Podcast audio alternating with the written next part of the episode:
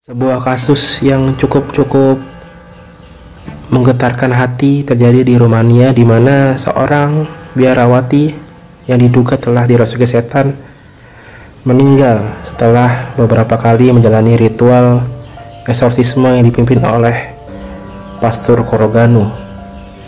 Namun pada akhirnya hal ini menyebabkan beberapa masalah yang terjadi di sana di mana mereka menyepelekan hal-hal medis dan lebih percaya kepada hal-hal ritual.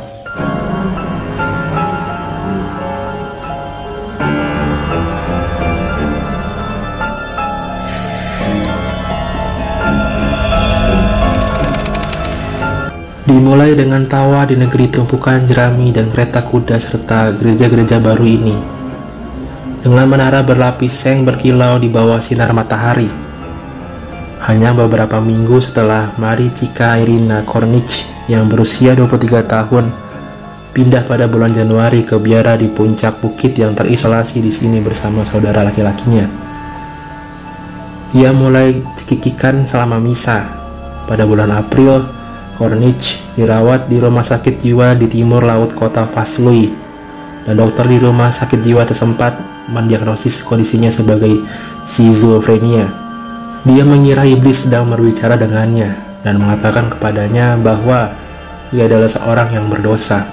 Kata dokter Georgi Silverstovich, seorang psikiater yang merawatnya.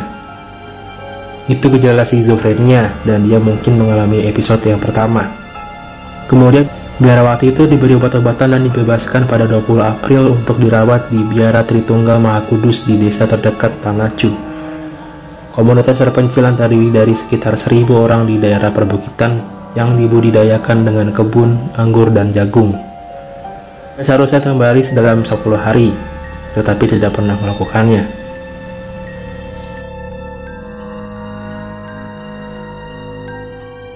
Bersilang pendapat dengan diagnosis medis, puluhan berawati termasuk sang pendeta eksentriknya, Daniel Petre Koroganu, lebih setuju kalau Nona Corniche telah dirasuki iblis dan semua tawa dan cekikan selama ini adalah ulah iblis yang merasukinya. Anda tidak bisa mengeluarkan iblis dari orang-orang dengan pil, kata Daniel Petre Korogano kepada satunya televisi Rumania selama 4 jam wawancara. Daniel Petre Koroganu kemudian bersama empat biarawatinya melakukan ritual penguciran setan atau eksorsisme terhadap Nona Corniche. Beralih sedikit ke latar belakang tempat Cornish mendapatkan eksorsisme, gereja ortodoks menjadi institusi yang paling dipercaya di negara ini, menurut banyak pendapat. Para pemuda pedesaan banyak yang dibesarkan di panti asuhan seperti Cornish, berbondong-bondong ke biara dan biara ortodoks untuk mendapatkan bantuan spiritual atau makanan dan tempat berteduh. Beberapa tahun silam, pemerintah komunis telah menutup ratusan biara Rumania namun mulai tahun 1959, marxisme tidak pernah bisa memadamkan agama Kristen. Sejak komunisme jatuh, gedung gereja telah berkembang pesat. Biara khususnya dibayar oleh komunitas lokal dan pengusaha sukses sebagai tanda pengabdian dan kebanggaan. Jumlah biara Rumania hampir tiga kali lipat menjadi 600 sejak 1990 dan jumlah biarawan meningkat empat kali lipat menjadi 2800. Konsentrasi tertinggi dari keduanya berada di wilayah sekitar Tanacu, salah satu sudut termiskin di negara itu, di mana mereka masih menggunakan timbaan sumur untuk minum dan hanya mengandalkan sayur lilin ketika menggelapnya malam menjemput. Kembalinya agama di Rumania dan negara-negara lain di kawasan yang dulunya komunis di banyak tempat telah melampaui kecepatan di mana gereja kehilangan kawasannya untuk bisa menyaring dan melatih pendeta lalu terpaksa meninggalkan lembaga seperti biara di Tanacu di tangan para pemuda berupa pendidikan rendah seperti Pastor Koroganu. 10 tahun yang lalu, Pastor Koroganu adalah seorang pemain sepak bola lokal di Vaslui, kota terdekat. Dengan pengakuannya sendiri, dia tidak pernah belajar banyak dan setelah gagal masuk ke universitas di Bukares untuk belajar olahraga atau hukum, dia mendaftarkan ke studi agama di Departemen Teologi di Universitas di Lasi di, di timur laut negara yang termiskin itu.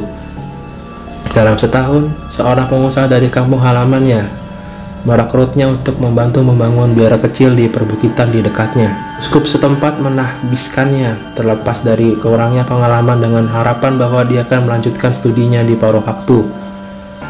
tapi dia segera berhenti untuk mengabdikan dirinya untuk menjalankan biara.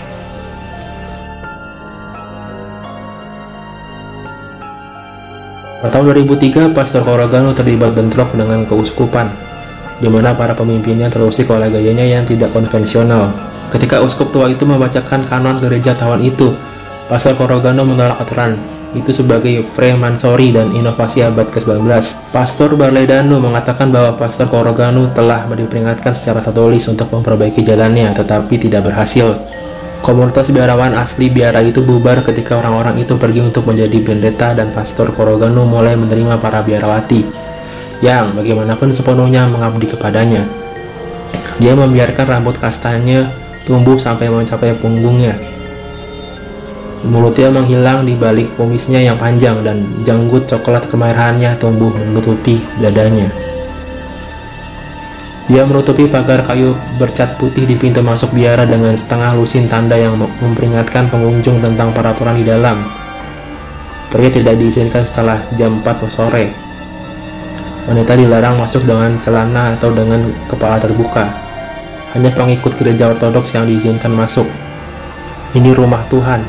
Di sini para malaikat bernyanyi, bunyi salah satu tanda.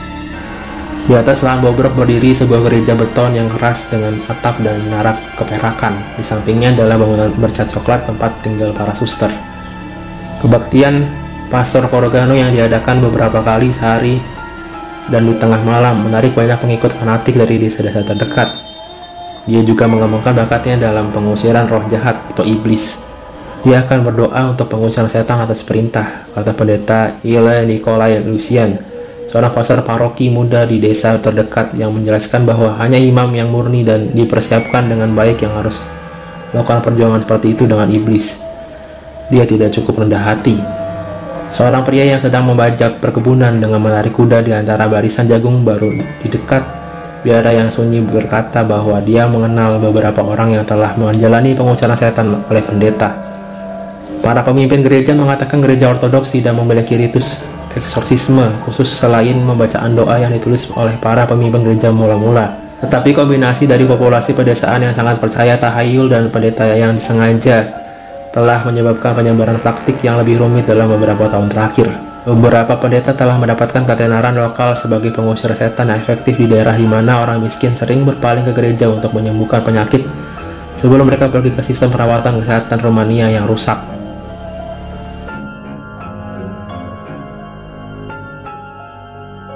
Ke dunia inilah Corona Cornish dan saudara laki-lakinya Fasila tiba pada bulan Januari tahun 2005. Keduanya dibesarkan di panti asuhan setelah pernikahan. Orang tua mereka yang miskin gagal dan ayah mereka gantung diri. Dia bekerja sebagai pengasuh di Jerman ketika dia berusia 19 tahun. Dan kemudian untuk sebuah keluarga di wilayah barat Rumania Barat. Seorang teman dari panti asuhan telah menjadi seorang biarawati di biara dan mendorong mereka untuk datang. Nona Kornich segera mengenakan pakaian hitam panjang, topi hitam, dan keriput hitam seperti seorang biarawati ortodoks. Dia tidak pernah menunjukkan tanda-tanda penyakit mental, kata teman-temannya. Dalam wawancara yang direkam di gereja biara oleh televisi Romania, Pastor Koroganu mengatakan masalah Nyonya Kornich dimulai sehari setelah komuni pertamanya. Di biara saudaranya yang mengatakan dia bersamanya ketika iblis masuk ke dia mengatakan setan datang memanggilnya gadis, dan feminin. Ledakannya semakin parah dan suatu malam di bulan April beberapa biarawati dan saudara laki-lakinya menahannya, mengikatnya dan membawanya ke rumah sakit di Vaslui. Rumah sakit memberitahu para biarawati bahwa Miss Cornish menderita skizofrenia, tetapi setelah hampir dua minggu perawatan melepaskannya kembali ke perawatan biara.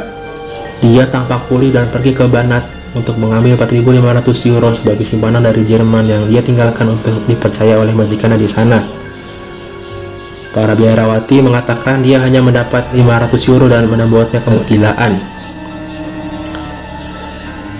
Dia mulai bertingkah aneh lagi setelah itu, kata kepala biarawati dalam wawancara televisi.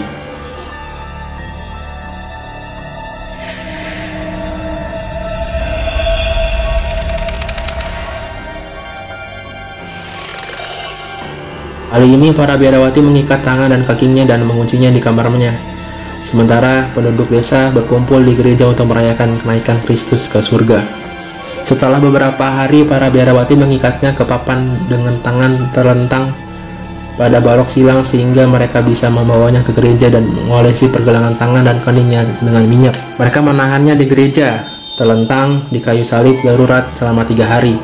Mereka memasukkan handuk ke dalam mulutnya untuk menghentikan kutukannya saat mereka berdoa dan membasahi bibirnya dengan air suci. Meskipun Pastor Koroganu mengatakan dia menolak untuk minum, Kemudian setelah tiga hari diikat dan disumpal mulutnya dengan handuk di sebuah ruangan yang lembab di biara selama tiga hari tersebut, dia akhirnya terkulai lemas dan tak sadarkan diri. Dia baik-baik saja, dia sudah kambuh, kata Pastor Korogano dalam wawancara. Dia tertidur dan itu berarti dia lebih baik, ucapnya. Tetapi ketika para biarawati tidak dapat membangunkannya dan menemukan denyut nadinya lemah mereka menjadi khawatir dan memanggil ambulan. Kemudian pada saat dia sampai di rumah sakit, dia telah meninggal. Dokter memberitahu polisi ketika mereka melihat tanda di pergelangan tangan dan pergelangan kakinya yang tertinggal oleh rantai. Otopsi menemukan bahwa dia meninggal karena dehidrasi, kelelahan, dan kekurangan oksigen. Dalam wawancara yang disampaikan televisi, Pastor Korogano membela metodenya dengan mengatakan bahwa mengikatnya didasarkan pada tradisi lisan gereja. Hanya Tuhan yang tahu mengapa dia membawanya, kata Pastor Korogano. Saya pikir itulah yang Tuhan inginkan agar dia diselamatkan.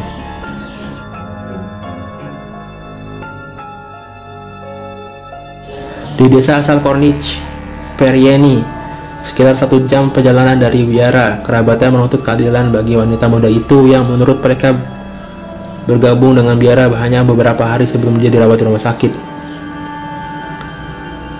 Dia cacat dan bekas di tangan pergelangan kaki dan perutnya, kata bibinya Anisora An Anthony.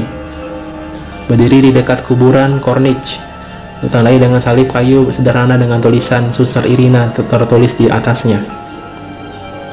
Dia gadis yang baik, itu terlalu kejam, Tuhan terlalu kejam, kata paman buyutnya, Jorge Anthony, sambil menangis mereka yang diduga membunuhnya harus disalibkan seperti dia.